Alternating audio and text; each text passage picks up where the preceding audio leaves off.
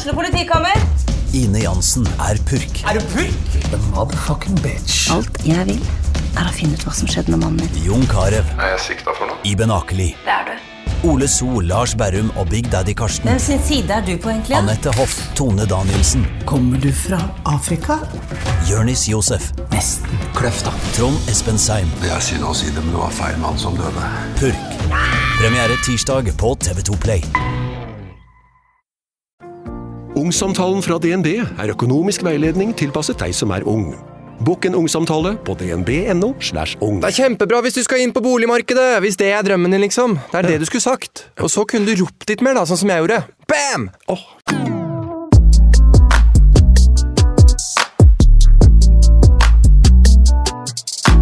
Vi har en gjest i studio i dag. I studio. I studio, i senga. Vi vi har en gjest i senga. Det er første gjest vi har i senga.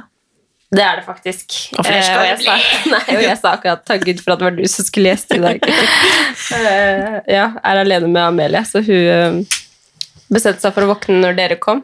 Fikk sikkert litt sånn FOMO, så da måtte vi tre Da måtte vi gå inn i senga. Ja. Men det er jo koselig, da.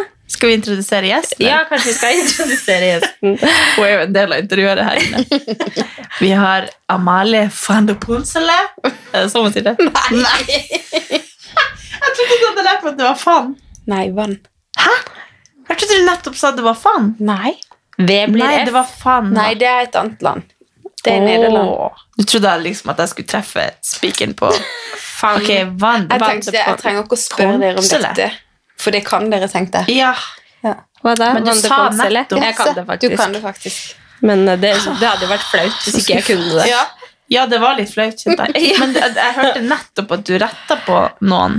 Men det var kanskje at de, de skrev på F. På Son! Så sa Nei, det her Ja. gidder Nei. Nei. Kan du ta tiggelen? Nei. Jeg kan ta tyggisen. Hvorfor skal hun ta den? Legge den der. Å ja.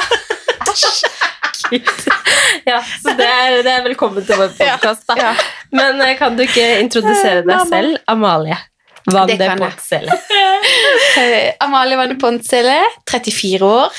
Lykkelig gift. Ja. Ja. Eh, to og et halvt barn. To og et halvt Nei, ikke si det. da. To. Eh, to barn på tre og halvannet. Eh, jobber på frisklivssentral her i Oslo. Du har en til på vei. Jeg Har en til på vei som kommer i februar. Og det bryllupet vi har snakka om i alle år uh, i podden. Ja, dere har snakket litt om bryllupet vårt. Og det er dette bryllupet. Amalie og Ja. Leander sitt bryllup. Og det rakk vi et par uker før covid hitta. Ja. Så hvem vet, kanskje vi Kanskje det var vi som bringte ja. covid til Oslo. Vi ja. hadde besøk fra Italia Sant. eh, og, God start. ja, og Belgia. Så Ja, ja. sant.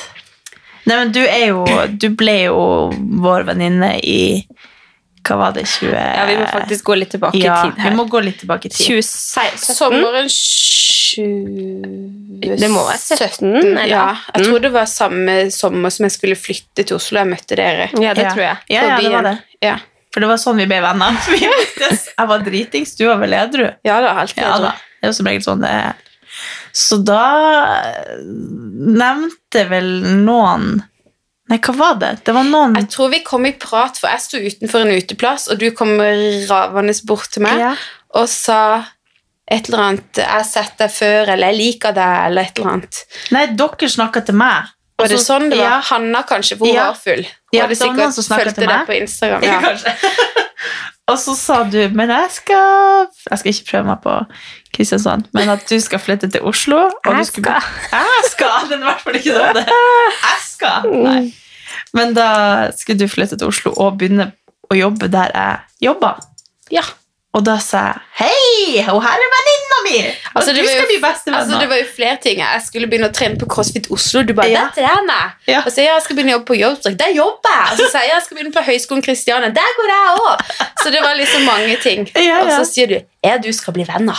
Vi skal bli bestevenner. Men det er jo sånn så god, god egenskap du har. Du bare tar tak i eh, Det har vi snakka om før, før i podden. At du bare, de folka du skal ha i livet, de tar du tak i. Ja, og du de tar blir det bare. Ja. Nei, men Du det var bare forsyner deg. Ja, det forsyner meg. Men sånn, eh, sånn var det, og sånn ble det. Så da ble du en del av eh, skåden. Som er kleint å si. Ikke si det, ikke si det! Nei, nei, men jeg husker jo første gang jeg så deg i Oslo. For da var det litt sånn ikke småkleint, men du hadde jo vært full da vi liksom ble enige om Å, å være, bli venner. jeg, ja. på en måte Så jeg husker jo første gang jeg så det på Kåss og Oslo, så prøvde jeg liksom å vinke litt, og du var liksom Men så Åh, kom vi er det ikke en sånn kjærlighetshistorie, det? Ja, for det husker ikke jeg, det møtet der. Jeg bare husker veldig godt den gangen på byen Selma var full. Ja. For det husker jeg veldig godt. Men eh, jeg husker akkurat hvordan du, du sto liksom inntil vinduet, mens yeah. jeg sto rundt på utsida. Ja, Ja, så da sto jeg der, og du la meg til på Snapchat og Instagram og alt mulig, så ja. det var hyggelig, det. På, på jobbuka. Ja. Nei, men det er veldig, veldig koselig. Og da, siden da har vi jo trent i lag og jobba i lag og blitt godt kjent siden da. Ja, jeg føler det er sånn naturlig når man finner folk som man skal ha i livet. Da. Det føler jeg er litt sånn story med deg. For når jeg tenker over noe, så er det sånn, hvordan ble, altså, det, det bare ble sånn. Det bare ble helt naturlig at vi skulle være venner.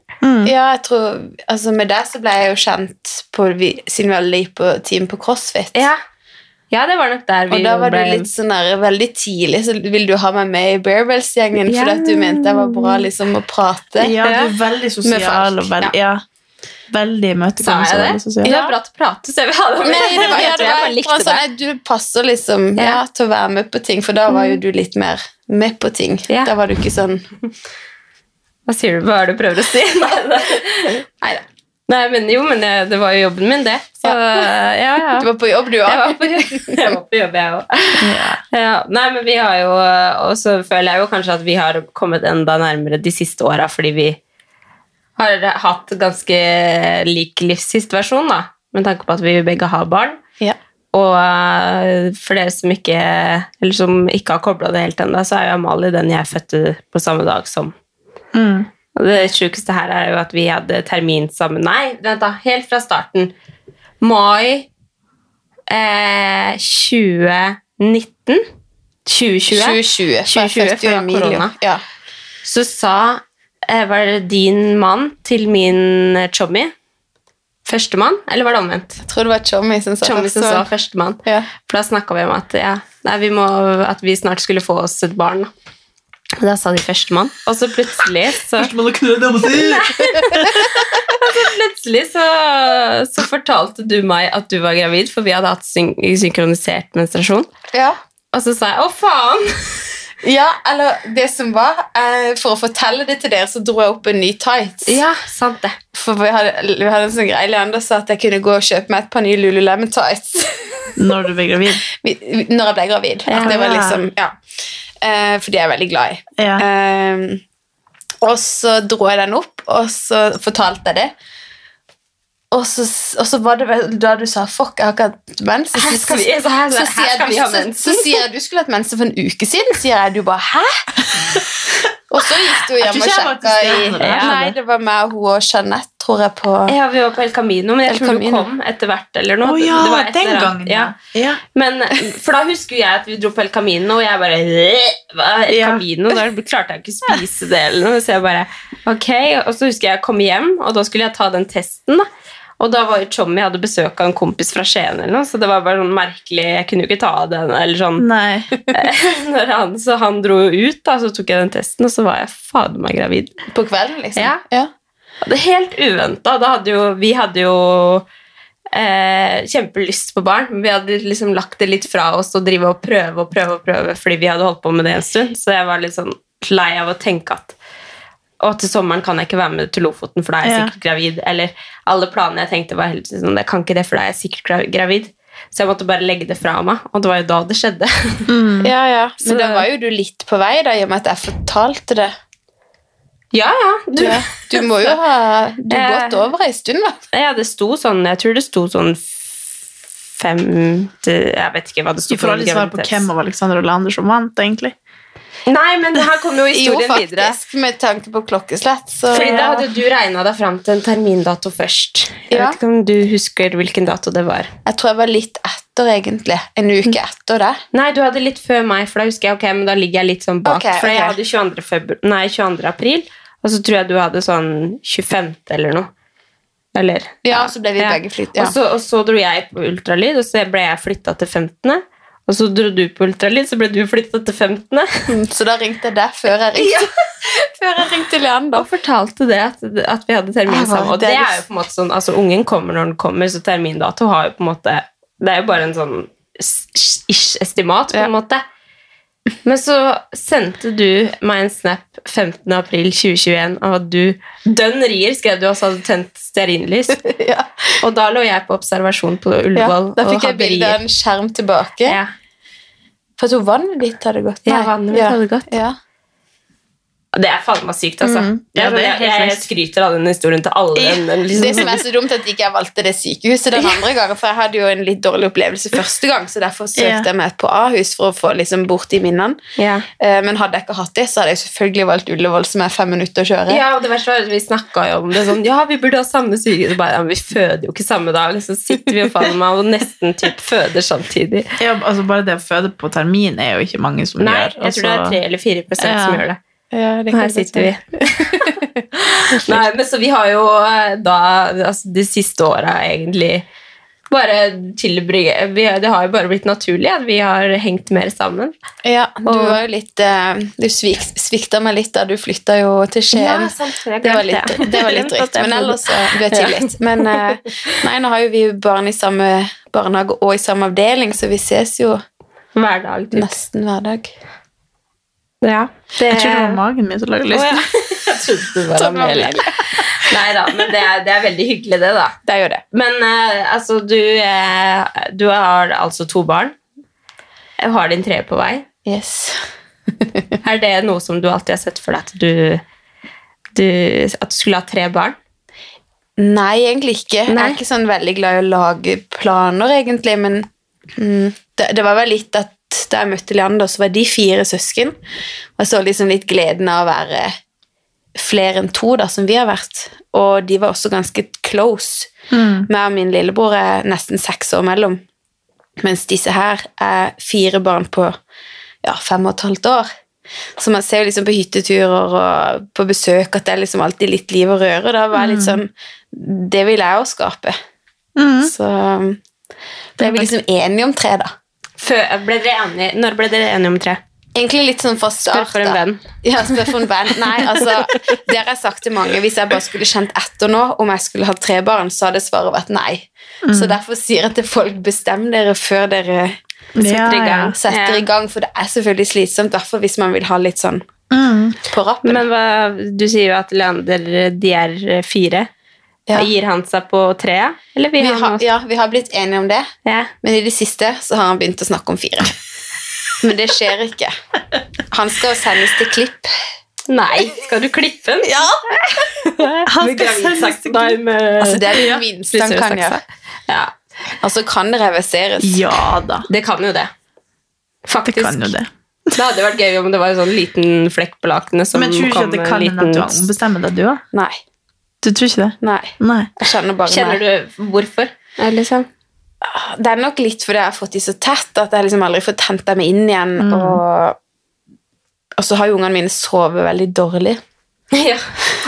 I motsetning til de. Eh, Så Olivia sover fortsatt, hun yngste sover fortsatt ikke gjennom natta og våkner tidlig. og Hun har vært Det blir feil å si veldig krevende, men jo, har det på mange måter. Hun har vært blid og alt det der, men hun har jeg jobba veldig, veldig mye med- deg. Ja, krevd veldig mye av meg. Vært veldig sånn Ja, hun ja. Og Ja. helt fra hun var nyfødt, så hylte hun hvis noen andre skulle holde henne. Så hun har nesten ikke blitt kjent med noen andre. Mm. Ikke, nesten ikke dere, og ikke Det er bare etter Jeg hun er begynte blitt i ganske barnehagen. kjent med meg nå, da. Ja, nå, men sånn Tidligere så var det Ja, meg. hun er bare ikke så skeptisk til meg heller når hun ser meg. Nei, sånn som så hun har vært det veldig lenge, ja. så det har vært veldig sånn Har ikke fått puste så mye, da. Nei, nei. Selv om vi nå- ligner, så vil jeg Ja. Men hvis du nå får en sånn sykt positiv, positiv opplevelse av den, det nye barnet som kommer, så kan det hende at det Ja. Ikke det at det ja. Nei, Men det er jo litt sånn, dere bor jo i Oslo, og altså, Ja. det er jo veldig mange ting som spiller inn da, for at man skal kunne få ja, og nå er jeg liksom barn. litt klar for å få livet mitt litt tilbake. Ja, og det skjønner jeg. For hun har jo også egentlig gjort at jeg ikke har fått helt mulighet til å trene så mye som jeg skulle Mm.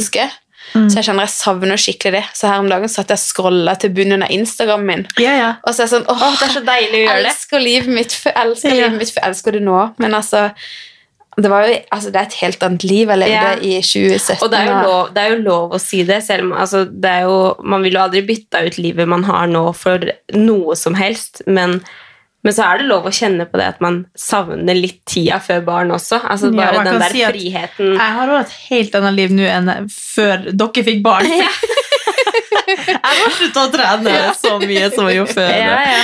Altså, man blir jo eldre uansett, så man kan jo aldri se tilbake på den tida og tenke at, at det er liksom av unger. eller sånn. Det, det hadde jo endra seg uansett. Ja da. Jo- Man får jo mer eh, Ja. liksom, seriøse Dere jobber. har i hvert fall det. Jeg har ingenting å skylde på. Nei.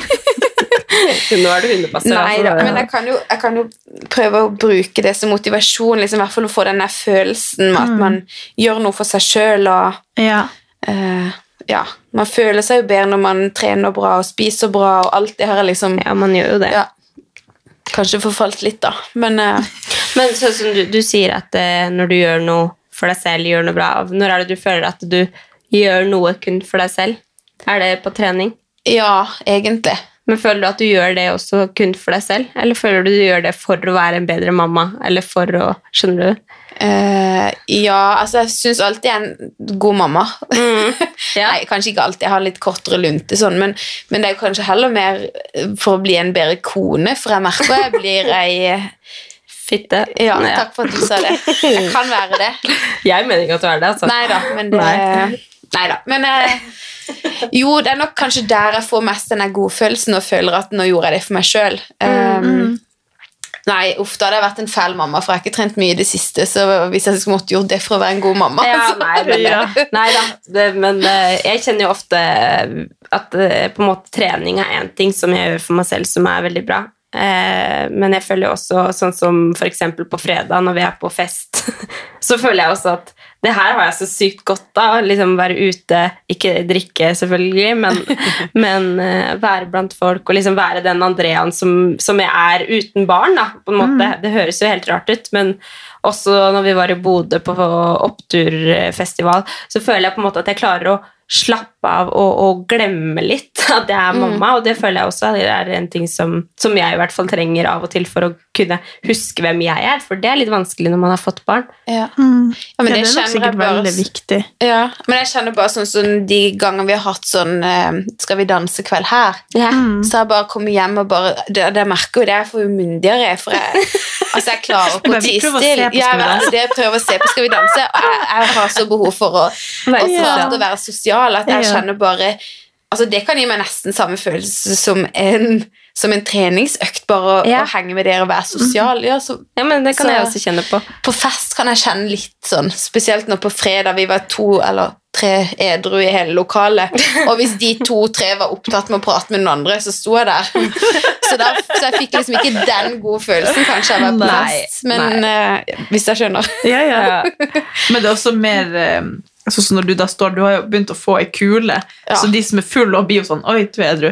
Ja, ja. Man blir litt sånn skeptisk med en gang. overraskende mange. Jeg bare sånn, oh, oh. Eller sånn, Ikke det at jeg tror at du reagerer på at folk tar på magen din, men jeg tror du kanskje er litt mer sånn spør først enn det jeg er, kanskje. Jo, ja, Ja. men Så jeg eh, tenkte sånn Nå satt jeg sånn Oi! Var du oi, redd for at folk- Nei, men jeg, tenker, de tenkte sto sånn- på du tenker. Ja, jeg tenker, jeg tenker at folk eh, burde spørre først, da. Ja, men Så- Skal vi snakke litt om det? Ja, men Det for, er- for min del så tenker jeg at det, det går helt fint. Mm. Men jeg tenkte liksom at du er mer sånn spør først. Ja, jeg, kan, jeg, er veldig, jeg er ikke redd for å si fra til Nei. folk, det er jeg ikke. Nei, men jeg, tenker jeg- jeg merker det. At det er noen som går rett frem og bare tar seg for. Og da blir jeg også sånn! Selv på Ja. deg. Ja, men jo, for alle som på en måte nå høres, Det var veldig mange på den festen som absolutt skulle kjenne det på Ja, magen. Ja, ja, det. men altså, alle de som gjorde det det sånn, sånn, sånn, sånn, sånn, sånn altså, Sightseeing innpå. Nei, men det som jeg la merke til, var eh, alle de som gjorde det på meg, det var jo folk jeg var trygge på. Eller sånn, jeg masse med, men det var jo sånn, du hadde jo ikke snakka med dem før, så jeg var bare sånn. Han som tok helt av gårde. Jeg vet ikke hvem det var, eller hvem han var, eller noe, men han var helt stoka for at vi var gravide. Det var det men fineste i verden, og han Jeg kan se skulle ha er. ja, men han, han han, var jo bare helt nydelig, ja, han var da. kjempesøt. Men eh, jeg tenkte bare, det er, For det er jo noen som reagerer på det, at man bare tar på en mage. Jeg syns det er koselig, men jeg vet jo ja, Nå som man er såpass Men sprengt, hva så er går det grunnen til at man ikke skal gjøre det? Eller hva er det man føler på når man gjør det? Nei, Altså, folk bare kan ta på deg. jeg da. Liksom, Ja. eller sånn jeg, jeg, Ja, som sagt, jeg syns jo det er hyggelig, men uh, Selv hvis det hadde vært en litt fremmed. Ja. Ja. Eller det vet jeg ikke, da. Hadde bare Turi jeg møtte på butikken tatt meg på magen, så hadde det vært Ja, litt for rart. der går min grense med fremmede sånn. Uh, mens eh, folk jeg kjenner eller vet hvem er, det går helt fint. I hvert fall nå som man er så stor. Mm. Hvis det er sånn liten sånn nederst sånn i starten hvor man bare føler seg litt chubby, og han Ja. ikke er sånn hard, da er det litt sånn Ja, Nå nå tar du bare på vomma vi. Ja, ja, ja, ja. Mens nå går det fint. Nå er du på en måte blitt babyen. Jeg er reagerer der. nok mer Ja. på hvis folk sier 'oi, så stor du er blitt'. Det sa jeg. Men ikke på, en- jeg sa det ikke på en Nei, sånn du sa det på en hyggelig måte. Jeg prøvde på en måte å forklare at jeg får jo Da jeg sa det, det var, jeg var bitte litt full. Men så tenkte jeg det skal man ikke si. Men jeg mente det ikke sånn. Ja, jeg, tok, bare- jeg tok meg ikke nær av det. Men når folk Nei, sier bare- 'oi, nå er det ikke lenge til fødsel', så jeg bare jo, det er faktisk litt over to måneder. Ja, men det var det ja. jeg fikk sjokk over, for jeg har tenkt Jeg tenker at du ikke skal ha baby før liksom i mai, liksom. Ja. Og så bare Herregud, du er jo snart! Så var egentlig det jeg mente. var ikke Ja, at du var stor. Jeg ikke- Men jeg fikk sjokk over at du var så gravid. Jeg tenkte at du er så gravid. Å, herregud. Så det tenkte man begynne, og så bare Ro deg vekk litt. Neida. Men, altså, men det er jo en årstid hvor man går med store tøy, stor Ja. tøy og boblejakke, og så når Ja. man plutselig går med en kjole Og så bare klinkekula. Ja, ja. Det er jo veldig Ja, koselig når, veldig- når du er skikkelig sånn Ja, nå er jeg gravid. er så- Ja, det var jo også Ja. et samtaleevne som vi kom inn på. Liksom det der, og at gravid, jeg syns jo gravide er dritfine, men det er også veldig mange som syns at gravide er Det er ikke noe fint å være gravid. Her er det. Ja, jeg, altså, spesielt alle Harm og så Hegseth. De er bare sånn Åh, de, det ja, de sier det. At det er dritstygt å Jeg være tror ikke gravid. de er representabel for resten av befolkningen. Nei da, nei da men, da, men da fins det jo, da. Da Ja, finnes det ja. jo de som syns at gravide er er dritstygge. Ja. Eh, så jeg bare altså, så Når han ene sa at han liksom syns at gravide jenter er- Eller damer fineste han visste. Jenter, damer Ja, det vi er, da. Det, ja, At det er noe av det fineste han vet om. Så var jo det veldig hyggelig, da. Da ble jeg sånn, ja, ok, så For det er litt sånn av de bunad. Ja, Jeg som jeg, jeg følte komme med bunad. bunad. Ja, men typ Nå synes det er dritfint. Man bærer, eh, man bærer en kule med stolthet. Ja. Det gjør man. Men det er jo helt sykt at dere er gravid samtidig nå, da. Ja. Igjen. Vi har jo ikke snakket om dette i podden ennå. Denne gangen Andrea er gravid! ja. Her kommer vi. Men, uh, Timer var det ikke like bra, da. men det var liksom, jeg hadde jo egentlig tenkt at denne nyheten skulle komme i podden. Jeg er litt skuffa at Ja. du ikke ga oss den klikkbiten. Ja, det var det som skulle Men så plutselig så skulle vi ha gjester, så skulle vi ha Morten, og så skulle vi, det var liksom så mange gjester som skulle komme. Så tenkte Ja. jeg men jeg må nødt til å dele det før vi skal på det julebordet, så jeg måtte bare, jeg måtte bare dele Det var det. det Ja. som var ok. Ja. Så ja, jeg er gravid, og det er jo Ja. derfor jeg, jeg har ligget i en grøftkant, for jeg har vært så dårlig. Altså, det har vært så mange uker og måneder her nå der vi ikke har kunnet snakke om ting. For det er sånn Det er så mye stort som skjer, og så bare Men eh, ja, nei. Jeg vi si. Hva har noe som indikerer det heller, for det er, liksom, det er jo veldig privat fram til man ikke vil at det skal være privat lenger. Ja, det er Det jo er jo- Jo, men vet du, Når du har hinta så mye Jeg har hørt litt på noen Ja, podkaster, og så tenker jeg at veldig mange burde klare å legge sammen to Men det og to. er det jo. Det er veldig mange som har bare, Jeg har bare venta på at det skal dele det. Så det er veldig Ja. mange som har visst det, Ja. så det er jo veldig hyggelig, da. Men, eh, men det er jo også helt opp til meg når jeg ønsker å gå ut med det. Ja, og jeg synes, eh, med den graviditeten her og med forrige graviditet så syns jeg det har vært veldig koselig å holde det for meg selv. Ja. Eller ikke for meg selv, men heller fortelle det til folk når jeg møter de. Fordi jeg føler jo veldig ofte at når man lever gjennom Instagram, så er det sånn Wow, announcement, hun er gravid. Da, da syns jeg det er hyggelig at i hvert fall 50% av følgerne mine har fått vite det før. Da. Ja. Eller, Mm. ja, Ja, eller at det, folk jeg har møtt, eller at jeg har kunnet Ja. si det. Og så var det hyggelig å kunne si det før det på en måte ble Ja. ja. Ja, og så kommer jeg alltid sånn rett før jeg skal dele, så jeg er sånn jeg har ikke sagt det til hun Jeg har ikke sagt det til hun Så jeg har sånn dårlig samvittighet for at jeg ikke har delt det. Ja, ja. For du har jo venta litt lenger enn jeg gjorde denne gangen, i hvert fall med å fortelle det til folk du møter. Eh, Jeg føler at jeg har hatt, eh, bare fortalt det nå, jeg. Ja, jo Ja, du har vel det. Ja. Men, eh, men jeg skjønner, for jeg måtte jo holde på dette her pga. at jeg var i jobbsøkesituasjon. Ja. Ehm, så for meg tærte det veldig på at ikke jeg kunne si det. Jeg måtte passe på hvem jeg sa det til, Mm. og kunne i hvert fall ikke snakke om det på Instagram. Ikke at eh, 3000 følgere har så veldig mye å si, men, Nei, nei, men det I er jo forhold til en ja. men jeg benytta i hvert fall muligheten til å si det til folk jeg møtte liksom, og det er veldig, det som du sier, det er veldig hyggelig å fortelle din person.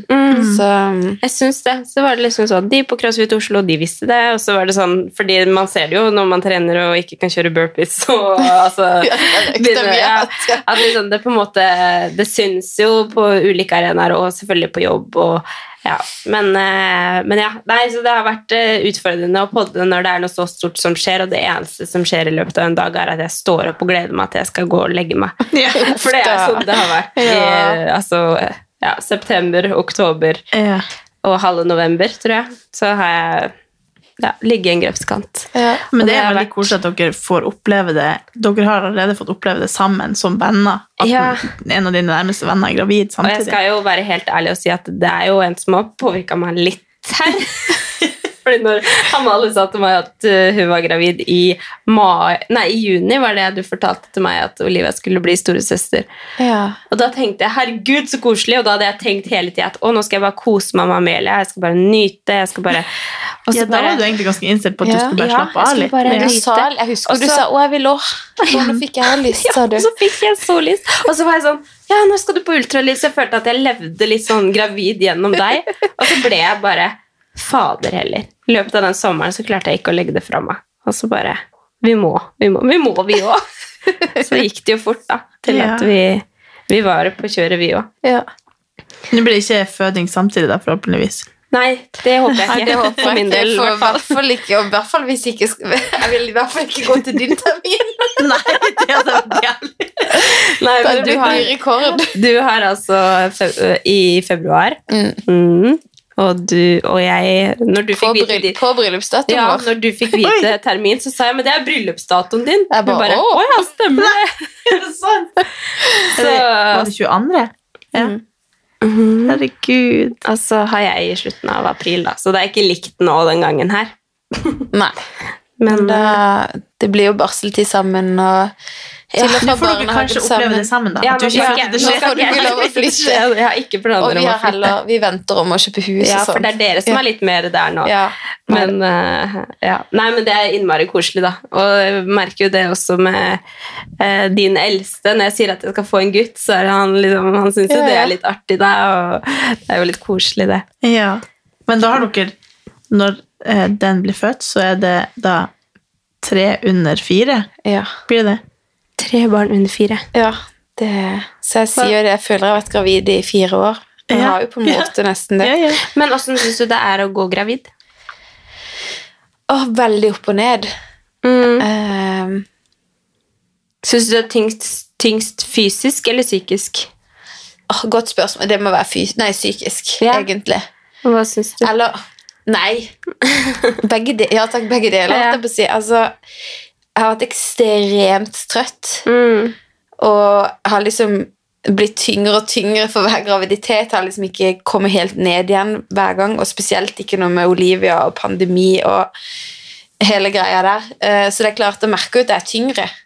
Um, og det er det jo tyngre. Ja, det er ting tyngre. Ja, det er jo det. Um, selv om jeg ikke har hatt noe liksom, fokus på, på vekt og sånn, så merker jeg jo at det er tungt, liksom. Ja. Men eh, nei, det er nok mest den trøttheten, egentlig, og eh, at jeg blir jo litt ekstra følsom og kanskje ønsker meg litt mer sånn sympati hjemme. At jeg liksom Du krever offrer- mer hjemme. Jeg ofrer kroppen for dette, og liksom være litt takknemlig. Ja, ja. Gi meg litt anerkjennelse, at du forstår det. sant? Men han er jo litt sånn det vet jo hvordan han, han er jo veldig strikt og streng og med seg sjøl, og da blir han litt sånn med meg òg. Ja. Så han glemmer jo litt at jeg er gravid òg. Ja. Um, så, så har jo dere to barn fra før av også, så liksom, hvordan skal man på en måte huske altså, For det man kan jo tenke første graviditet er jo én ting. Da kan man bare så, så, Du er gravid, og du kan bare du, du, du, du, Ja, det, det kjenne på alle bevegelser i magen. og- ja, ja, Du kan bare leve livet da, og nyte graviditeten, og så kommer, merker jeg, jeg også, da, med nummer to, så er det bare sånn det har du ikke tid til lenger, og er det noe du har liksom vært bekymra for, så tenker du på det på morgenen, og så går hele dagen, og så stemmer det. Stemmer det, jeg Liksom. var litt bekymra. Ja, det var jo det. Hvordan har det gått i dag? Liksom at man har jo Ja. Man har jo ikke tid til å tenke, så jeg skjønner jo også at Leander kanskje av og til glemmer det. Ja, det, jeg skjønner også det. Ja. Vi hadde jo travelt begge to, og begge jobber 100, og han jobber sikkert 150 minst, Ja, ja. så ja. Han er jo en Vi kan jo faktisk Han, han fortjener en liten sånn strofe i, i poden, for han er jo en vidundermann. ja, Altså, det er sånn Når man ser for seg hvordan en pappa burde være, så, eller sånn som jeg kjenner han da, som far, Ja. så er det liksom sånn jeg tenker at det er eksemplarisk å være. da. Mm. Ikke, ingen no cred til Alexander. det helt sånn altså, det, det er flere ganger jeg bare spør Amalie Spør han deg om du vil trene Eller sånn, jeg bare Ja, det er bare sånn Jeg føler at han er sånn etter boka. Akkurat som han har lest i bok, og så følger han det. Ja, Dagens dagbok sier at du skal gjøre det, og da gjør du det. Eller sånn. altså, også en ting er jo på en måte hvordan han er som pappa, og hvordan han er med Nå vet jeg jo også at selvfølgelig er det jo lov å være sur på Leander av og til, for han er jo ikke Eller sånn, det er ikke Ja. det vi mener. Det er full cred til deg òg, altså. Ja. Men han, du bare, å, han er jo også et sånn. Han er jo en sånn som kan stå opp klokka fire og stikke på jobb, og så bare han liksom Han leverer på alle plan, og så plutselig så sovner han. Ja, ja. Så sovner han liksom Hvor når han ser på et ja, hvor som helst, og så henter han seg litt inn, og så er han oppe og nikker igjen. Så Han han, kan er jo sovne på et kjøpesenter på vogna mens jeg er inne i en butikk. Ja. Det har skjedd. Uh, ja da. Her på vogna. Han satt på en stol og liksom oh, ja. passet på vogna mens jeg var inne i en butikk. Så kom jeg tilbake, så ligger han og sover på vogna. Så, er så minuset med denne her vidundermannen, som dere kaller han, uh, er at eh, jeg alltid må kjøre hvis vi skal til Kristiansand Ja. eller til hytta, fordi han sovner sånn Ja. overalt. Men ja, han står opp kvart over fire, drar opp, sykler til jobb. Halv fem, er på jobb til fem. Jobber fram til ca. fire. Sykler hjem igjen. ja, Jeg henter ungene stort sett. Han lager middag. Han rydder opp etter middag. Han gjør det. Ja. Så tar jeg liksom litt sånn kveldsstell og litt sånn. han gjør det. Han er ikke så glad i å Av og til. dille og dalle og sitte på gulvet og leke. Ja, og så eh, siden jeg er gravid og trøtt, så vil jeg helst legge meg. Jeg orker ikke å trene på kvelden, så da stikker han på trening. Ja. Så han bare sa um, Ja, hvis du kanskje er hjemme til nitida i dag, så, så kan Altså, jeg gå og trene. Men føler du deg noen gang dårlig av at han er så Ja, for det har Ja. jo jeg snakka litt Ja. om. For, for Kevin er jo også veldig sånn god på trening og Ja, bla, bla, I dag har jeg en sånn dag. Jeg var så sur når jeg kom hjem i dag. Fordi, eller I morges så var jeg følte at jeg fortsatt var fyllesyk etter Blå julebordet. mandag. Blå mandag. Jeg var så dårlig eh, på lørdag etter julebordet. Det skjønner jeg. Jeg var så full, og jeg var så dårlig. Og så på søndag så var jeg fortsatt sliten, men da var jeg på klatrekurs og styrte og tenkte at når jeg var på klatrekurs i fire timer Jeg, ikke, jeg gjorde egentlig ingenting, jeg satt og hørte på og klatra litt, men jeg var ikke sliten fysisk. Ja, det her var på søndag. Ja, men da kjente jeg Jeg er faktisk ikke å trene, jeg gikk en tur, liksom, og så så tenkte jeg ok, jeg står opp tidlig og trener, og så kjente jeg nei, det klarer jeg ikke. Jeg kom meg i seng så sent. Og da er Kevin hjemme, og så eh, når jeg er på vei hjem, så spør jeg om han vil ha middag, for da er jeg sånn hadde vært litt deilig hvis han spurte meg om jeg ville ha middag. Om han laga middag. og så kommer jeg hjem, og så sier han ja, jeg er på trening, men jeg, ja, selvfølgelig. Så jeg bare, ok. Og så var jeg, sånn, jeg var så sur og sulten at jeg bare bestilte middag levert på døra idet jeg kjørte hjem. Så at middagen kom levert på døra. Fodora-typ, eller Du bestilte Det er dobbelt. sånn, Ja, sånn, ja. ja. Jeg hørte ja, om det. det var også en ting. Eh, men- Bester. ja, men da Så kom jeg hjem, og så var jeg sånn Jeg skulle også gjerne ha trent, men jeg, skulle, jeg måtte jo lage middag. For jeg måtte ha middag, for jeg hadde ikke noe mat på jobb. Mm.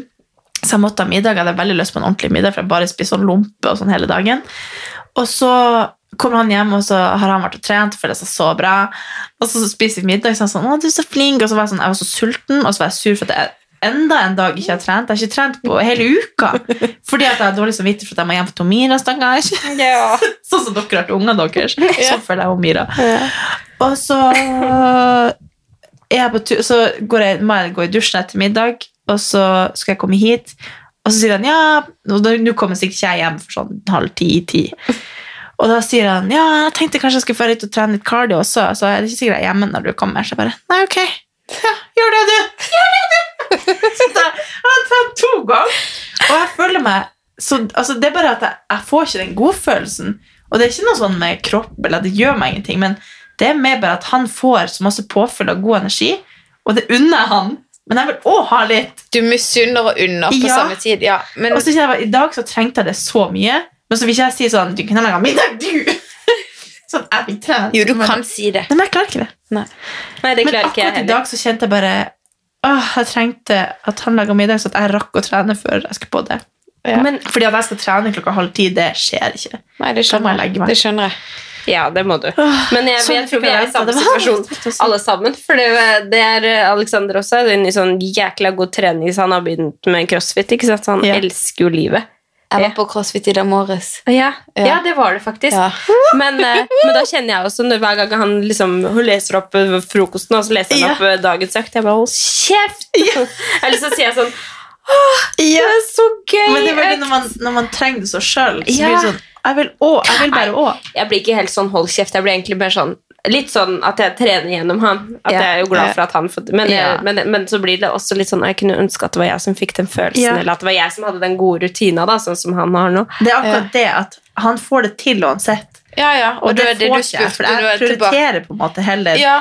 å sove da, eller Ja, ja. Mens han bare, han bare Da kan han heller trene tre ganger enn å prioritere Jeg er veldig god å lytte til kroppen. Er heller prioritere en god middag enn å liksom pushe inn et eller annet. Men eh, nei. Men da, det har vi snakket litt om, da. Ja, vi, tilbake til spørsmålet om jeg blir, føler meg dårlig.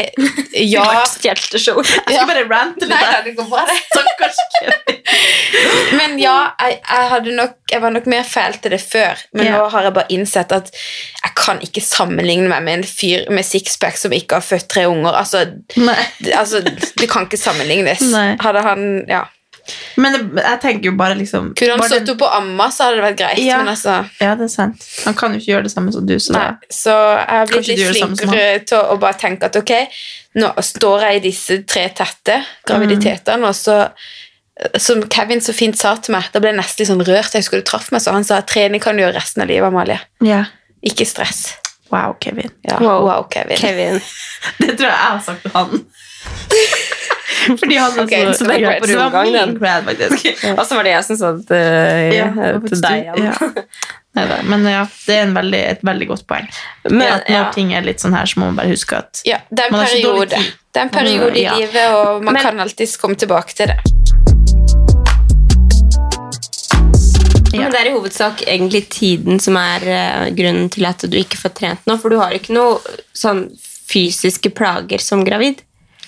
Eh, nei, egentlig ikke. Ellers har jo alltid slitt litt med ryggen, så må jo være litt forsiktig med det. Men eh, mm, ja. Nei, det er nok mer tida. Men igjen, det er også dårlig unnskyldning. Selvfølgelig hadde jeg fått til å trene hver dag hvis det var topprioritet i livet. Eh, og det er klart, hadde Olivia sovet bra og jeg hadde fått god søvn, så hadde det nok vært lettere å stå opp klokka seks og gå og trene før jobb de dagene han leverer. Eh, men så er det de få dagene Leandre er hjemme på morgenen. Da, da er det sånn, ok, nå, nå kan jeg endelig sove lenger enn fem. For hvis jeg er hjemme, så våkner hun fem, og hvis han er hjemme, så kan hun sove lengre. Eh, så jeg er litt sånn som det, lytter veldig til kroppen, og fort å prioritere søvn og sånn. Og så er jeg også litt dårlig, det har vi snakket om, å liksom gå glipp av det tida med ungene. Eh, jeg synes det er litt vanskelig å bare stikke på morgenen uten å si god morgen til dem, eller... Ja, når det er på en måte en time før jobb og tre timer etter jobb som man har med det, eller to timer etter jobb, for så vidt noen ganger også, Ja. så er det veldig vanskelig å prioritere trening noe av Ja, og på kvelden er jeg for trøtt, i hvert fall nå som jeg er gravid. Ja. Uh, men uh, ja. Må bli flinkere til å kaste meg litt rundt de gangene jeg kjenner at uh, Så jeg følte i dag måtte jeg bare opp på hesten igjen, og så skal jeg fortsette litt med det nå. Ja, men så flink. Det er bra, det. Så har jo vi snakket om å ha lørdagsøkter sammen Mm. Fremover, får vi se om vi får det til. Ja, det hadde jo vært uh, lurt, det. Men uh, som, som gravid, du er ikke noe sånn bekymra? Mm, ikke akkurat nå, Uh, men jeg synes jo det var veldig vanskelig å eh, liksom, tro på at det kom til å gå bra. Mm. Det har jeg nevnt litt før også, men at, at hvorfor skulle vi være så heldige? Mm. Nå ble det spark her, så ja.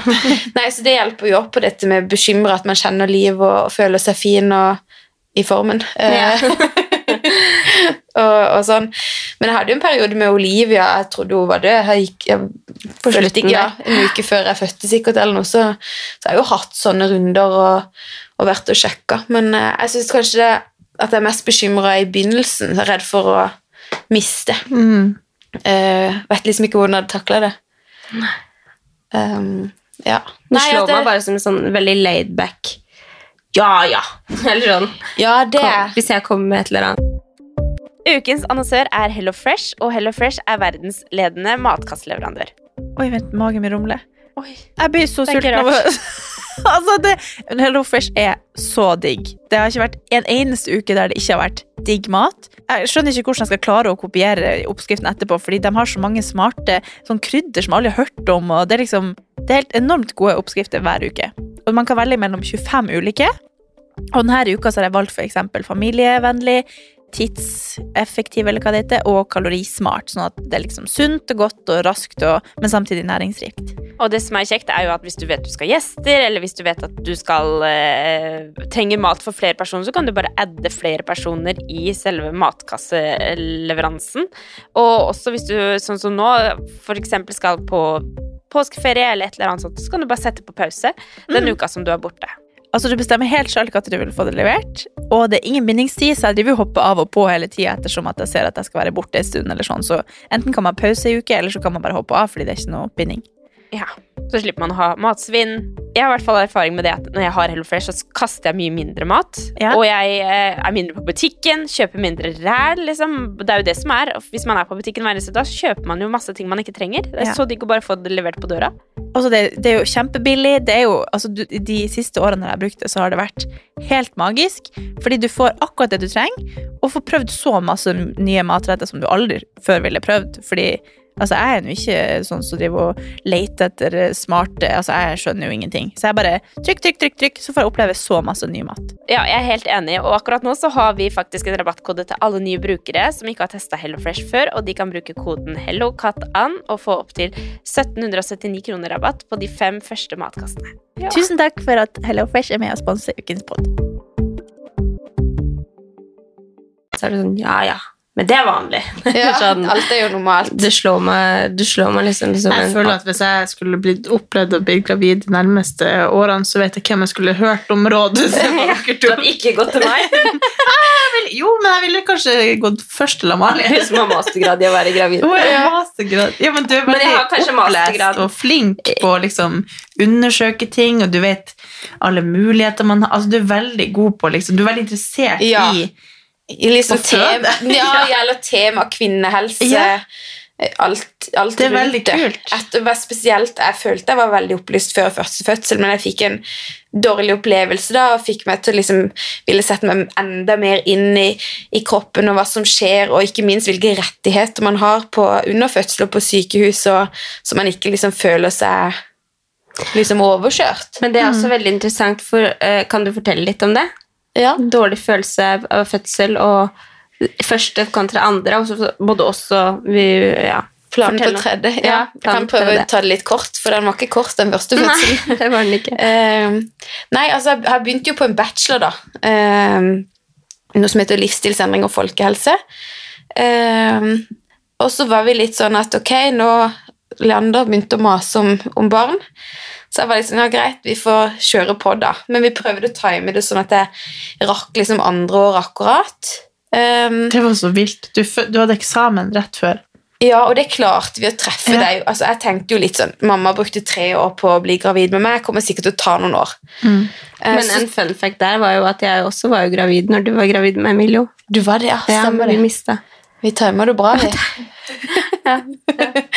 Eh, nei da. em, og så um, Ta den den veien.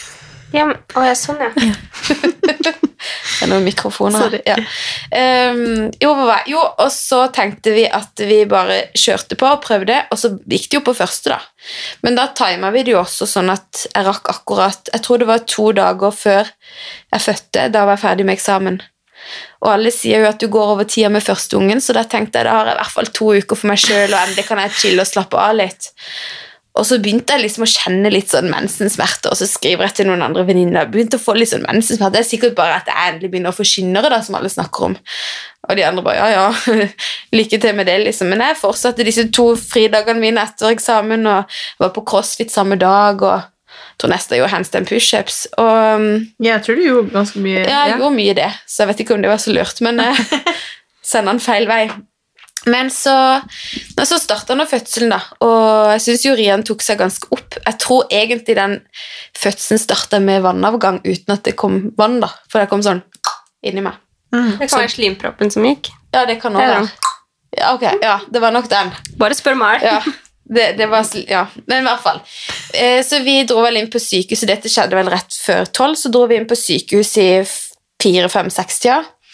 Inn der på et rom, forferdelig, forferdelig kvinnfolk. Han døtta opp noen sånn tørre plastikkhansker med sånne derre Ja. Skarpe kanter, det er det jeg Ja, husker du best. ser det før. Ja. Ja. Og hvor- Sånn billig Sånn du farger, hansker. farger håret med. Ja, sånn du farger håret med. Ja. Ikke sånn blå myke noen, men med sånn sveisa kant på. Det brukte de på alle sjekkene mine. Men i hvert fall, så stapper hun opp fingrene.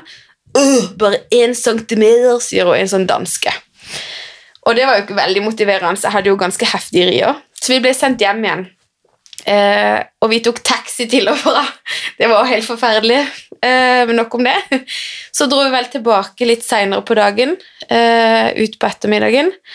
Og da hadde jeg vel kanskje tre da, eller noe sånt. Eh, vi ble, vi ble i hvert fall lagt inn, for de så hvor heftig det var.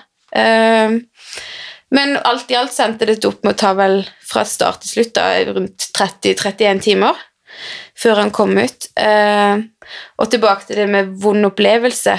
Det var mest det der med at det var så himla mange som skulle inn og sjekke. Og med disse her forferdelige hanskene. Så til slutt så spurte jeg om de kunne ta noe olje på. Altså, jeg var jo, hadde jo vondt før jeg hadde født, fordi de hadde gravd så mye oppi der. Men Så hvorfor bruker de veldig sånn? Det føltes så unødvendig ut, og, og, og det fikk meg liksom også tilbake til det og hadde lyst til å lære mer om hvor kan jeg sette grenser, og hva kan jeg kreve og ikke kreve Mm. på, på sykehuset. Så nå kom han jo ut til slutt, da. Um, men uh, det var mye tøff jobb, og jeg måtte presse han ut uten pressrier. Og måtte, ja. Så da, da fikk jeg jo igjen for treninga, sa de, i det minste. minste.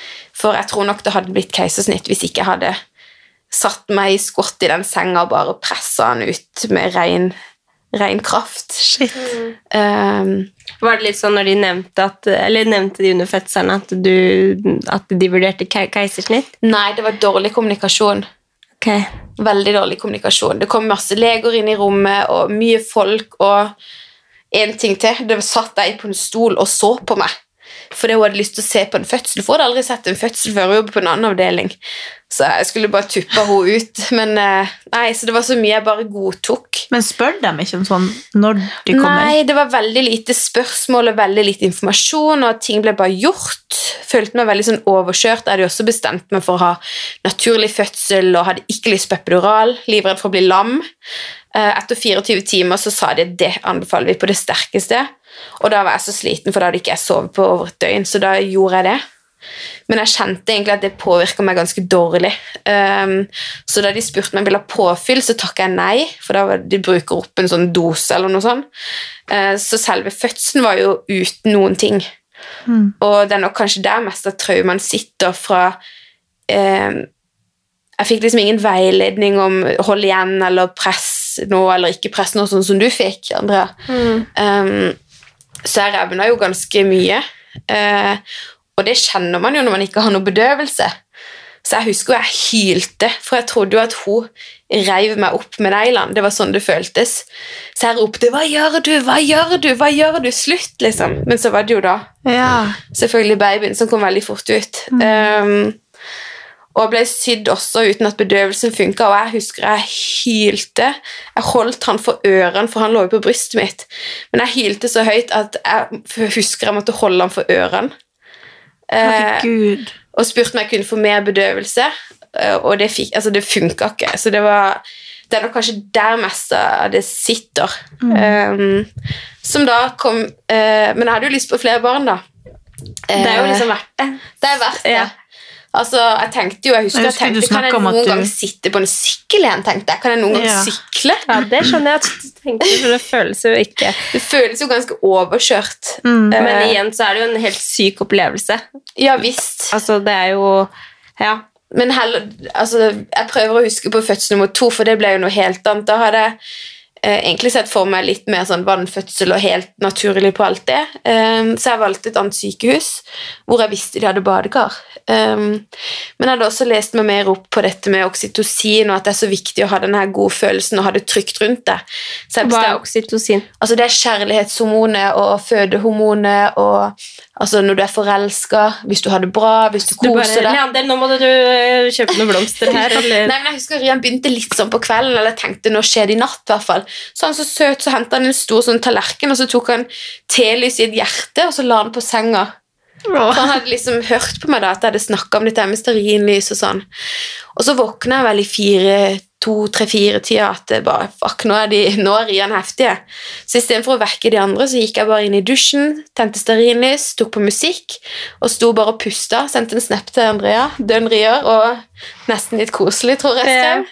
Jeg husker Det det. bare, mm, det er kjempekoselig. Ja, så sto jeg bare og jobba skikkelig, men jeg fikk aldri mer enn halvannen minutt pause mellom riene. Ofte så begynner du med ti minutter og tre minutter pause, og sånn, men jeg gikk rett på sånn tette. Så jeg var sånn Fuck, er dette en styrtfødsel? Så jeg ringte bare til Ullevål, da. Og så sa Til Ullevål eller til Nei, unnskyld, til Ahus. til Ahus, ja. Og så sa jeg at det var andregangs, og så sier de i firetida Jeg tror kanskje du skal Nei, i sekstida var det vel. Jeg tror du skal komme inn snart, jeg, sier de. Men jeg ja, måtte jo ringe svigermor og barnevakt, og plutselig så kom jeg sikkert av gårde før halv åtte, da. Så den bilturen var ganske heftig. 20 minutter i bil med åpningsrier, for jeg kom inn med 8 cm da. Og da husker jeg gruer meg så til å bli sjekka, for jeg hadde jo blitt sjekka så mye sist. Så jeg hadde skrevet brev om at jeg vil helst ikke bli sjekka mer enn absolutt nødvendig. Mm. Så husker jeg hun sjekka meg, og da slappa jo sikkert ikke jeg. Stramma vel alt jeg hadde, så det var jo dødsvondt å bli sjekka. Så sier jeg Er det bare én centimeter? sier jeg. Åh, Hun bare Nei, det er åtte. Jeg bare, Ble du ikke, ble du ikke letta da? da ble jeg letta. Ja, Men så, siden det var så vondt, så sa jeg det er vondt med hånda di inni der. Jeg skal få en unge ut. Jeg får så vondt i tissen når vi snakker om det her nå. Jeg tenker vi må skrive en warning på denne episoden. Ja da, trigger warning. Trigger warning. Trigger warning. Ja, Nei. Men det ender jo med en god Ja, historie, ja, da. ja. Jo, men det er bare håper- fint at du også forteller om Ja, det. så jeg det håper at bare- de som har hatt en dårlig fødsel, kanskje på første, eller dårlig opplevelse, da, Mm. kan få en helt fantastisk opplevelse. Jeg kjenner veldig mange som har en dårlig første, Ja. og har fått en mye bedre andre. Mm. Og at man øh, kvier seg for å få den andre for at man tenker Ja. at fød, fødselen var så forferdelig. Mens andre har jo en kjempefin opplevelse, selvfølgelig. Absolutt. Men det, det er mange jeg vet som har kvia seg for å få nummer to fordi man er så traumatisert, og det er jo en traume. Det er jo det. en kjempe, Hvis det ikke har vært en fin opplevelse, da. Det er jo også mye snakk om det at det er liksom dårlig oppfølging, liksom, eller dårlig barselomsorg i Norge. Selv om folk dør ikke, og ungene dør ikke, og det er det de ofte baserer statistikken på at det er verdens beste land å føde i. Men eh, altså, det var ingen som kom og spurte meg hvordan jeg hadde det. Det var ingen som kom og liksom Jeg skulle ønske at hun, hun legen eller hun hva heter det, jordmora som var på fødselen, var ganske tøff og streng mot meg. Jeg skulle ønske at hun hadde kommet opp på, på rommet eller liksom gått igjennom liksom, hvorfor hun gjorde ditt og datt og, og sånn. Eh, nå snakker jeg om første, da. Eh, mens på andre da, så, så hadde jeg jo egentlig tenkt å ha vannfødsel, og alt sånt, så de begynte å fylle opp eh, badekaret og alt dette her. Men det gikk for fort. Det gikk kjempefort, så, så det ble ikke noe badekar. Um, men, Men fikk lov å styre eh, showet sjøl, da. Ja. Men Så- håper du nå at du får en rask nummer tre? Ja. Er det liksom rask man ønsker seg hvis man kan Ja, så nå har jeg jo lest liksom definisjon på en styrtfødsel. Um, så jeg var vel nesten der, ikke liksom i hele forløp, men selve liksom siste delen. Ja.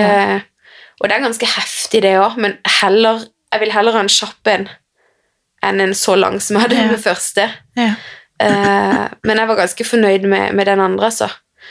Eh, så rett etterpå, eller jeg lå jo litt i ei seng der og, og slappa av litt med henne, men eh, to timer etter så var jeg klar til å hjem og hadde kledd meg og trodde vi, så, så hadde jeg egentlig tenkt å si at vi skal bare rett hjem. Eh, men så hadde hun litt lav temperatur, så vi måtte bli der i natta. Men altså, det er som natt og dag. Jeg henta i barnehagen dagen etter Oi. med, med hun siste nå. Og med han første så tenkte jeg jo at jeg nesten ikke noen gang kunne klare å sitte på en stol igjen. Ja. Så revna like mye og alt dette her, men Du var sikkert bare mer forberedt, da. ja, Og kroppen var mer forberedt. jo visst var jeg det. Um, så jeg er spent på nummer siste når jeg søkte meg inn på ABC-enheten, som er jordmorstyrt enhet.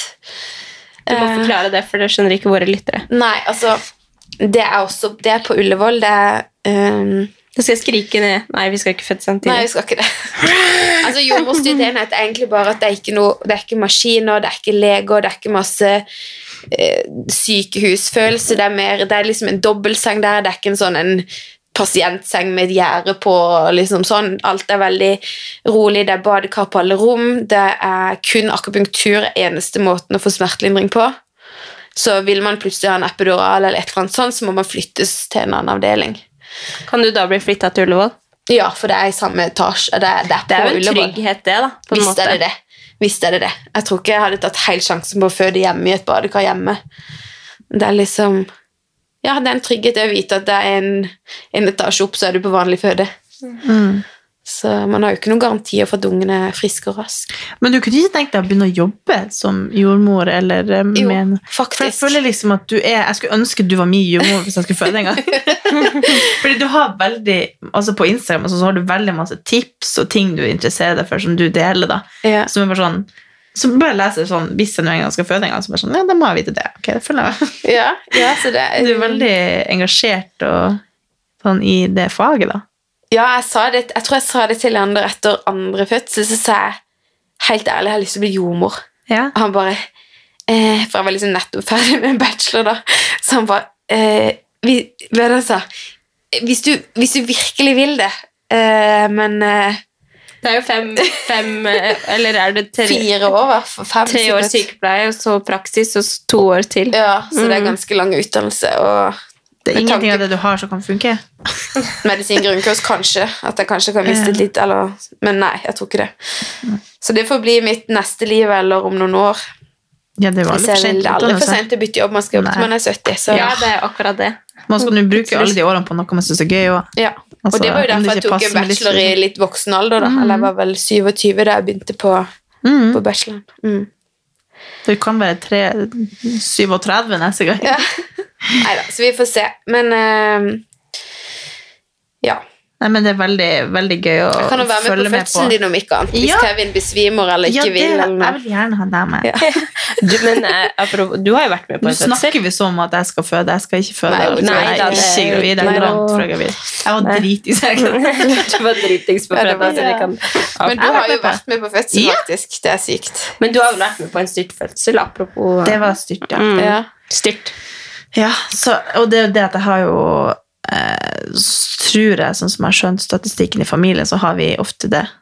Shit, jeg er det. Ja, jeg håper jo egentlig det, for jeg føler at at det er jævlig vondt uansett. Du vet ikke hva, hva du går til slags smerte uansett. Så om det er styrt eller eh, lenge, så tror jeg det er helt jævlig uansett. Det er bare digg å bli fort ferdig.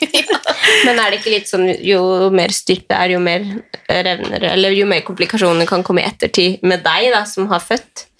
Jeg har hørt mye statistikk og lest mye at det er faktisk ikke det. Eh, men igjen så kommer man tilbake til at jo mer du kan, altså knowledge is power, altså jo mer du kan, jo bedre går det. Så har man liksom lært seg teknikker og satt seg inn i det, så takler man en styrtfødsel også. Eh, Kan du si noen sånn tre sånn revolusjonelle tips for deg? med Som du har lært? liksom Ja. eh, Hva sa du? Når de Jo, gjør sånn. den, ja, ja. Det er masse jeg Det har lært av det. ja, du har lært. Ja. Jeg visste ikke at du tenkte på eller brydde deg om sånn.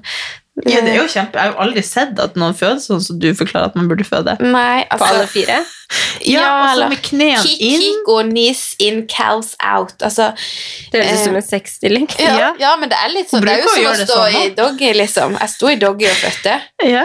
Eh, Men så- tok sånn hundepiss. Nei, så man, det, det føles litt unaturlig men du tar liksom knærne innover, litt sånn som du ja, du tar knærne inn istedenfor man tenker man skal skreve og stå med knærne ut. Men da Og lukker- tærne ut, liksom. Ja, eller knærne Ja, ut, og ja. da, da vil bekkenet lukke seg. Så hvis du liksom vrir knærne inn, så åpner bekkenet seg litt mer og skaper mer.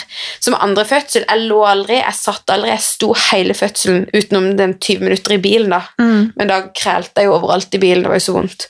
Men eh, eh, tyngdekraft og, og liksom vite Altså, hvis du føder på rygg, du føder i oppoverbakke Mm. mye tyngre. Det vil bli en oppoverbakke, da. Um, men tre tips. Kiko, uh, eller i hvert fall bruke tyngdekraften og gå og stå og jobbe mye. Um, og så tenke, på, tenke på smertene at det, dette er ikke farlig. Mm. Uh, åh, mer enn tre, da. Men ja, viktig at har- du er det mørkt i rommet, at du er med en trygg person. Du må tørre å liksom si til legene at nå skal jeg dempe belysning, jeg vil ikke at dere skal være inne mer enn nødvendig.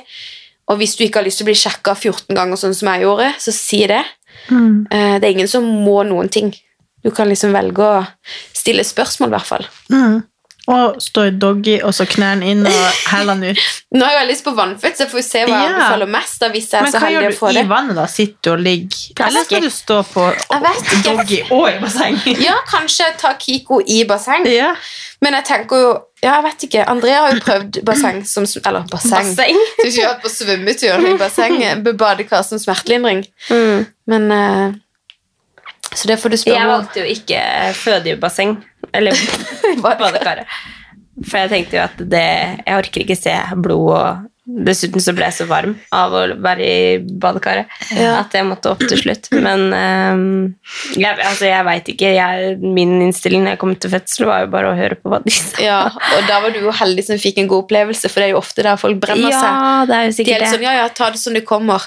Ja. Hadde, du, hadde du tatt oppkjøring uten å prøve å, å kjøre litt først, eller hadde du møtt en, et foredrag eller en eksamen uten å forberede deg? Ja, men så hadde jeg hørt så veldig mange som var så skuffa over at de hadde så mye forventninger til fødselen, og sånn og sånn, og sånn, og så ble det ikke sånn som de hadde sett for seg, og da følte jeg for min del så var det bedre å bare komme dit og så gjøre det de fortalte meg. Nå hadde jeg en fantastisk jordmor Ja, som bare styrte meg gjennom alt, og jeg liksom sa ifra at jeg hadde litt lyst til å prøve å klare meg uten epidural, og de var liksom veldig med på det, da. Ja. Så, men um, Ja, jeg hadde jo nok en fin fødsel, men jeg kjenner jo at det Jeg, jeg gruer meg. Ja, men det er jo ikke sånn at man gleder seg til de smertene. Nei, og så litt sånn som du sa i stad, at, at man er mer forberedt. Jeg kunne ønske at jeg på en måte egentlig ikke visste hva jeg gikk til nå heller. at jeg kom Ja. der som jeg gjorde sist, fordi jeg gruer meg til de smertene. da. Men så er det én ting som du sier, at folk blir skuffa over forventning. For det er én ting å ha forventninger, men en annen ting å være opplyst om hva skjer øh, med kroppen, og hvilke faser er man i, og hva er rettighetene mine, ikke minst. øh, Og hvordan skal det være? Ja, ja, men der er sikkert du bare mer eh, Du er sikkert mer opptatt av det, for det var Ja. jo sånn når jeg fødte også, det var sikkert eh, seks stykker i rommet, men jeg bare Jeg ensa det ikke engang. Jeg brydde meg ikke om noen ting, Nei. fordi at jeg bare Det eneste som ja, jeg vet ikke, det var bare ikke Men du har jo Jeg vet ikke, du er mer interessert og mer Ja, så er jeg nok mer høysensitiv. Jeg reagerer veldig på lys og lyd og lukt. Og, altså, jeg kjenner liksom masse folk inn og ut, og masse skjermer og piping og ledninger. Jeg får helt fnatt av det. Ja, det la ikke jeg merke til engang. Nei, ikke sant? Så det er jo litt sånn sikkert forskjellen på oss Ja, to, da. ja. Men det er jo Og samme som du sa med på en måte barselomsorgen etter eh, etter fødsel på, på Ullevål, der hadde jeg også en fantastisk opplevelse. Så Ja. vi har jo åpenbart hatt to helt forskjellige fødsler og barseltider på, Ja. på Ullevål, da. Absolutt, og jeg er så glad for at du har fått, uh, fått det sånn, for jeg har jo ikke lyst til at noen skal oppleve det jeg har opplevd. Altså, det, det er det verste, det finnes jo mange som har hatt det mye verre enn meg. Men eh, det satt veldig hos meg, liksom. Jeg kunne begynne å grine. Liksom, Ja, men det skjønner jeg. selv, selv om jeg var hos legen med neste graviditet skulle fortelle om dette, så knakk jeg helt sammen. Så det var tydelig et eller annet som satt inni Ja, meg som jeg egentlig ikke visste helt om. da. Ja. Så hun sa jo at jeg kunne få samtaler på sykehuset hvis jeg trengte det, men uh, for meg hadde det hjulpet å snakke med dere. Jeg snakka masse om det, og jeg snakket med, eh, ja, vært veldig åpen om det, og det har hjulpet meg. da. Ja. Og man kan fortsatt se at du blir brydd av å snakke om det, så det, er jo en, det har vært en ordentlig traume. Ja, det har vært det. Mm. Eh, får ikke noe tårer i øynene eller noe nå, men jeg har jo fått det egentlig helt fram til det siste. liksom, Så Ja. jeg tror nok den siste fødselen hjalp meg veldig sånn Ja. over kneika. da. Men siden vi er inne på det, har du noen gang kjent på noe som kan ligne på fødselsdepresjon eller svangerskapsdepresjon eller Ja, noe i den duren? faktisk, Mhm. faktisk. Men det kom veldig lenge etter, så jeg tror ikke det var det. Eh, men jeg husker, jo, jeg husker jo at jeg fikk melding av deg, og sa du hvordan har du det? Jeg orka ikke å svare engang. Nei, det husker jeg. Men Men det- jeg møtte deg Ja, etterpå. jeg husker jeg, jeg møtte sånn, dere utenfor Emily der, og jeg var helt sånn Men dette var jo For jeg fødte Emilio 20, sommeren 2019, og dette var jo i mars ish. Så Men det var nok eh, det kan godt være at det bunna, eller begynte med den dårlige opplevelsen med fødsel. Sleit også veldig veldig med amming med han. Jeg grein meg gjennom åtte uker eh, med amming. Satt opp, eh, Det gjorde jeg med Olivia da. Satt opp på natta og amma for å holde produksjonen og komme i gang. og Veldig mye styr med det. Og så på toppen av det hele så skulle jeg planlegge et bryllup. Og jeg skulle ned i vekt, fordi at jeg må jo, vil jo følge med fin i brudekjole. Ehm, så det var nok totalbelastninga eh, som gjorde at jeg gikk på en smell etter bryllupet. Mm. Eh, men det kan nok kanskje minne litt om en fødselsdepresjon, men den kom nok litt for lenge etter til at jeg kan kalle det eller definere det, Ja, det som var det. nok en, heller en smell av var nok- all påkjenning ja, totalt, kanskje. Totalbelastninga som, som tok meg litt der. Så det var vel en liten måned jeg var litt sånn nede. Jeg husker Leander sa jeg tror du kanskje du er deprimert, Amalie. Du gikk jo også veldig mye tur. Ja, jeg gikk Husker veldig mye tur, og så min måte å takle det på Jeg kunne sikkert gått og prate med noen år, men jeg følte liksom jeg var ikke sånn, Det var ikke noen sånne mørke tanker at jeg ville bort herfra, men jeg bare var skikkelig, skikkelig nede. Hadde ikke liksom noe Jeg klarte fint å være mamma og ha glede av det, men jeg klarte ikke så mye annet. da. Mm. Eh, Så for min, min del så var det å høre på Gå mye tur og se på naturen og sette liksom pris på omgivelsene. Og um, jeg hører på podkaster. Mm. Litt sånn selvutvikling og yeah. sånn som jeg egentlig alltid har gjort. ja, ja. Men å bare skru, skru bort Ta eller egen tida og få input og ja. Mm, Så jeg husker det var én dag jeg var skikkelig, skikkelig langt nede. Eh, men ellers så var det bare sånn Ja, en liten måned med en down. Mm. Så, men Var det, det rett etter bryllupet? Ja, det var vel et, Jeg vil Det var jo i starten av korona, det. Jeg husker jeg la ut en, en post på Instagram om det. Jeg skrev Ja. sånn Ser jeg ikke, ser jeg ikke lykkelig ut på dette bildet? Ja. skrev jeg. Eh, eh, og så bare forklarte litt at ikke jeg var det, da. Ja. For det er jo fort å bli litt lurt at alle har det så himla bra på Mm. Instagram. ja, du er veldig flink å være ærlig. Ja, der. så der er jeg veldig ærlig og åpen om det meste, egentlig. Mm. Um, Men så det ligger jo på en måte litt i liksom forventningene med nyfødt barn. Altså at det er jo mye eh, Altså det er totalbelastning, men også liksom den forventningen folk har til at livet skal bli så perfekt når man får barn, da. Men det er jo en total ny eh, hverdag og nye ting å ta inn og mye press som man legger på seg selv og Så ja. ja, april. 27. april la jeg ut bildet. Fin dato. Ja. Bursdagen min. Er det sant? ja. Kunne jo heller vært en post til meg. ja, Jeg tenkte ikke på det. Jeg var inni mitt eget Ja, nei, det, det. Um, nei, så det var Hva var det du skrev da? Det er langt innlegg, så jeg vet ikke om det er så relevant med Du kan Ja. se etterpå. Ja. Det er veldig artig at du sitter og snakker så seriøst nå, så har du på deg sånn reinsdyrhårbøyle med håret hengende over. Nei, så det er vel det er nok, Nå skrev jeg jo også Jeg har jo vært, som dere sa, veldig interessert i det, så bacheloroppgaven min skrev jeg jo eh, også om dette med fødselsdepresjon og hvordan fysisk aktivitet kan påvirke dette. Så jeg er jo ekstremt interessert i emnet, og jeg vet jo om mange som har vært fødselsdeprimert, og det er veldig, veldig vanlig. Det kan også komme mens man er gravid. Mm. Um, så det er liksom Og så tror jeg det er bare fint å være bevisst på at det kan skje, eller sånn når det kommer, liksom, at det er ikke unormalt. For jeg tror veldig mange føler skam for å Ja. være lei seg når man burde være så glad. At det er liksom bare en sånn Det er en sånn ond sirkel av alle Ja. de følelsene som egentlig bare er en litt tung følelse, eller sånn nedstemthet, så blir det bare enda verre av at man var sånn Herregud, hvorfor er jeg sånn her, og hvorfor føler Ja, jeg sånn? Og så, Absolutt. og så blir alt bare Det er sånn man er sulten, så bare sånn Du har det ikke egentlig tungt, men du bare blir Jeg blir bare Røff i stad, eller? ja, Jeg var bare sånn hvor, hvor mye man kan påvirkes av de hormonene og alt det her. Det er jo ikke sånn at du er et dårlig menneske for det om det skjer. Det er bare at man Nei, nei, og, og også sånn, jeg tror nok jeg kunne vært veldig i faresona for å fått det. Ja. Men jeg, jeg føler liksom alltid jeg har vært ganske sterk mental, da. Og liksom ser fort ting sjøl. men hva er det jeg skulle si? Nå jeg tråden her. Men ehm, ja.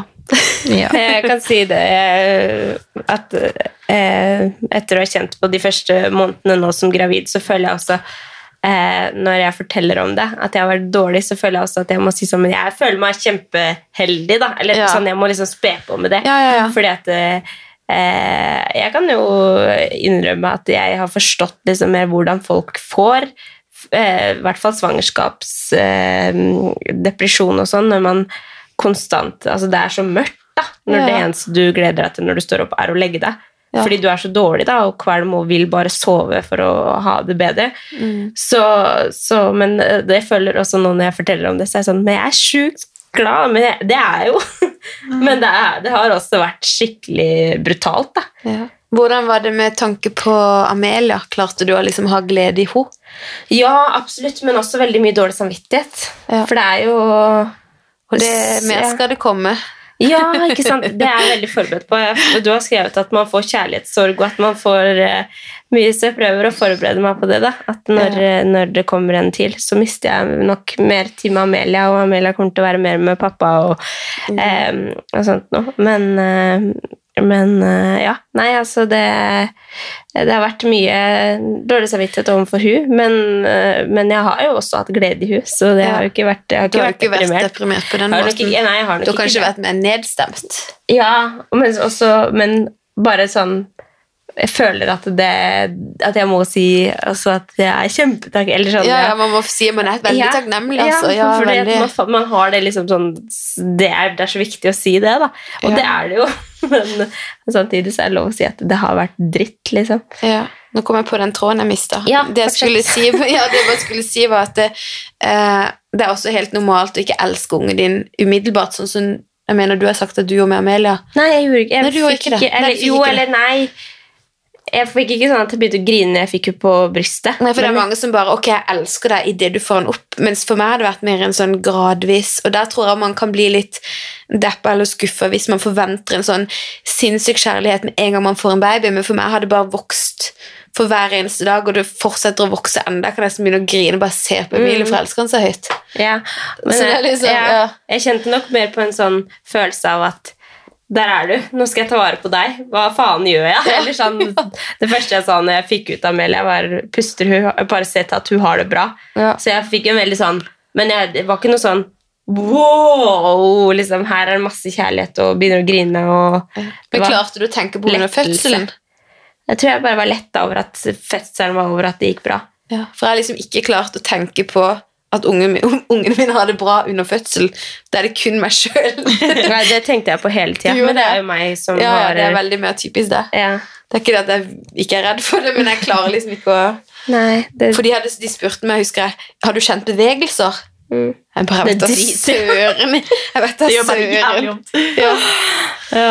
Men kan jeg spørre om dere har noe sånn, den, liksom, den største fors... Eller overraskelsen fra å se for seg å bli forelder til å faktisk være forelder? Er det noe som på en måte har vært overraskende, eller Altså, jeg har jo syntes at det har vært mye lettere enn jeg hadde sett for meg. Ja. At det har vært en eh, eh, Jeg var forberedt på veldig mye, da. Mm. Det er jo kanskje også typisk meg. At jeg er veldig, Ja. at jeg er veldig forberedt på det meste, og at jeg analyserer, eller ser for meg Visualiserer hvordan det kommer til å bli. da At det kommer til å bli mye våkenetter, at det kommer til å bli mye bekymringer, at det kommer til å bli mye, eh, mye stress sånn sett. Men så har det på en måte bare alt gått veldig smooth, da. Så det har vært en sånn overraskelse for min del. Og så overraska over at ting føltes så naturlig. Eh, og ja, nei, at det var så chill, da. Men det er jo også fordi Amelia er chill. Hun har vært chill. Hun har vært en chill unge. Ja. Jeg tror mye Veldig mye, tror jeg, hvis man skal sammenligne på en måte mine og dine med at vi fikk samtidig Jeg tror veldig mye handler om at du fikk en veldig fin ammestart. da. Ja. Du fikk mye melk, du eh, hadde ikke vondt med det, og da får du liksom en sånn god flow med en gang. Eh, så det har nok tatt litt bort gleden i begynnelsen, men i motsetning til Andrea, jeg hadde ingen forventninger til noen ting, så jeg, ikke, jeg ble ikke skuffa eller overraska eller noe. Jeg hadde bare ja, jeg trodde jo som sagt jeg skulle prøve og feile noen år med å prøve Ja. å bli gravid. Jeg trodde jeg skulle ha litt tid til å forberede meg, men istedenfor så gikk det fort og rett med skole og alt, så jeg fikk liksom aldri tid til å tenke, egentlig. Nei. Men sånn, bare for å snakke om amming også, da. Hvis det er noen som hører på her som er litt interessert i det, så, så var det jo Jeg hadde jo på en måte en smooth start fordi at jeg fikk det til i løpet av kanskje to uker. Ja. Men det var jo ikke, det var ikke sånn at på puppen og der nå gikk det fint. Det var Neida. jo masse Det var jo mye Altså, de fikk det ikke til. Måtte ringe og få hjelp. Altså, det hadde sikkert sånn tre forskjellige jordmødre inne. Og Ja. hjalp meg. Så det er jo sånn Folk kan jo si ja, det gikk smooth. Eh, for det, det gikk jo smooth, men jeg tror smooth eh, i ammeverden er egentlig at det er, det er trøbbel. Begge skal lære fint. seg det for Ja. første gang. Så det er, jo, det er jo trøblete, men det går fint. Eller det Ja. gikk fint for min del. Ja, så der å benytte liksom, jordmødre på sykehuset, ring på bjella hver gang du skal amme. Liksom. Så, mens med hun siste så fant vi jo ut at vi måtte klippe tungebånd. Fant også ut at hun hadde brekt kragebeinet Ja. under fødsel, så det var mye greier som sikkert påvirka amming der òg. Eh, og der òg, ingen ville høre på meg. Jeg visste at det var noe galt med henne. Eh, Så det er liksom lærer jo for hver gang, så neste gang skal jeg stole 100% på liksom mor, morsfølelsen og magefølelsen. At jeg vet at jeg, hvis det er noe galt, så skal jeg stole på det, og ikke gi meg. Men i og med at dere er født samtidig og eh, liksom er venner, har dere syntes det har vært vanskelig å ikke sammenligne med hverandre? Jeg tror ikke jeg sammenligner meg noe. Nei. Nei. Jeg bare jeg, jeg, kan vel kanskje tenke at jeg kjente litt på at eh, For sånn som Amelia har jo alltid sovet bra, og sovet mye på dagen. Eh, og eh, mens Olivia har hylt tre timer på kvelden og har sovet maks 20 minutter av gangen, så hele dagen gikk det å prøve å få henne til å sove. Og hvis ikke jeg gjør det, så ble jeg sittende i tre timer med en steiketrøtt baby. Så jeg husker jeg kjente litt, men da, da følte jeg jo det mer bare via liksom Instagram og sånn, for du flytta jo bort. Ja. Så jeg kjente jo veldig på at at du til Skien. ja, så jeg kjente jo liksom det, det at jeg skulle jo selvfølgelig ønske at jeg kunne uh, hoppe tilbake på trening, og at ungen min sov i tre timer i vogna. Ja, ikke sant? Ikke sant? Så, men det er ikke det at jeg sammenligner meg, men Nei, men jeg tror det er noe helt naturlig. at ja, man det er får jo fort å sånn, Og du det hvis ikke har at jeg en- ikke unna henne Nei, nei, men jeg skulle ønske at jeg òg kunne hatt det litt chill, i og med at han først òg var litt sånn. Ja, for det er, liksom, det er jo sånn med forhold og sånn, hvis man snakker med venninner, og så er liksom så Leander så fantastisk. så kan man være sånn, Å, hvorfor ikke Ikke det at Kevin er ikke forelder, eller, men det er jo sånn, det er jo lett å liksom Det er jo sånn man, man gjør som menneske, at man liksom det blir jo lett at man sa, i hvert fall når man er født samme dag. Liksom. Ja, ja. Det blir jo De er sånn, helt like. det er jo sånn som når man får tvillinger. Altså alle sammenligner de. Det er jo ikke sånn at man, De- man ønsker det. De- Det er jo to individer, og det er jo ikke, jeg har jo aldri sammenligna de. Men det er jo Nei. lett hvis jeg hadde hadde en baby, så hadde jeg sikkert sammenligna det med bestevenninna min sin baby som fikk samtidig. Men det tror lett kan være å lett å gjøre. tenke Eller liksom Jeg har på en måte støtta meg litt på at ok, jeg er noen år eldre enn Andrea, jeg har min andre unge, eh, og hun kan sikkert støtte seg på at ok, kanskje eh, Olivia vil utvikle seg annerledes fordi hun har en storbror. At Ja. ikke man sammenligner Ja.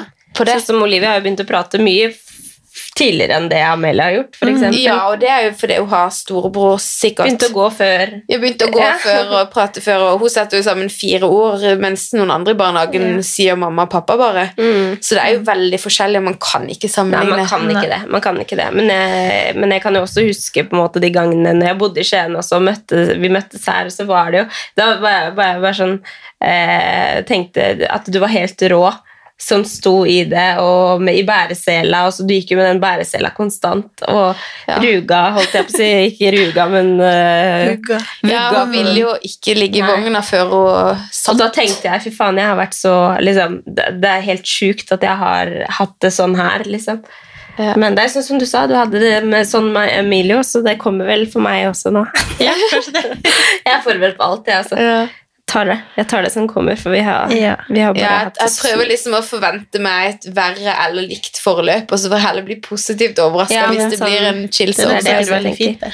Ja. Jeg bare Så jeg tenker på det tenker om to år til så får jeg sove godt. Ja. Ja, tenk på det. Det skal vi se fram til. Ja.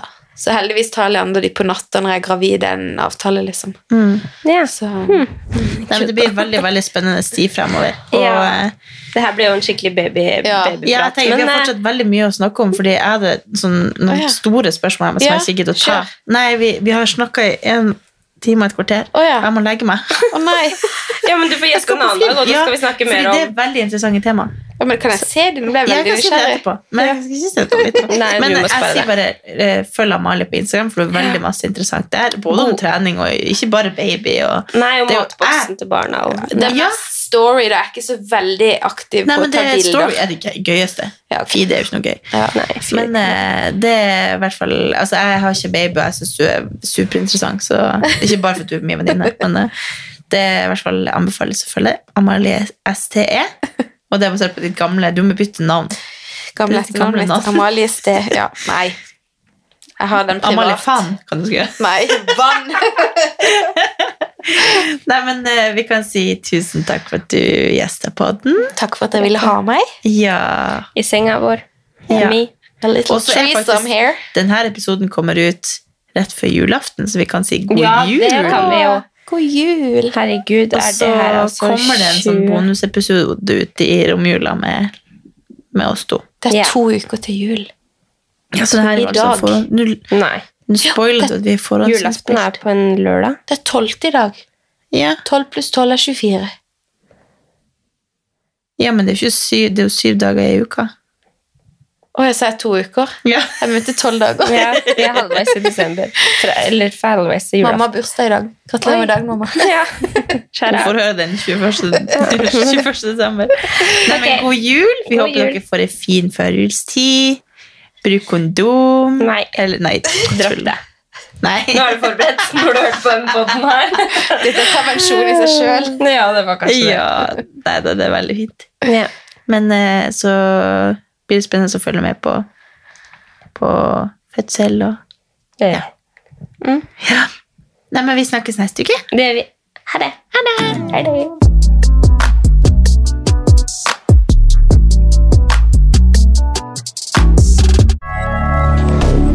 Moderne media. Har du et enkeltpersonforetak eller en liten bedrift? Da er du sikkert lei av å høre meg snakke om hvor enkelt det er med kvitteringer og bilag i fiken, så vi eh, gir oss her, vi. Fordi vi liker enkelt. Fiken superenkelt regnskap.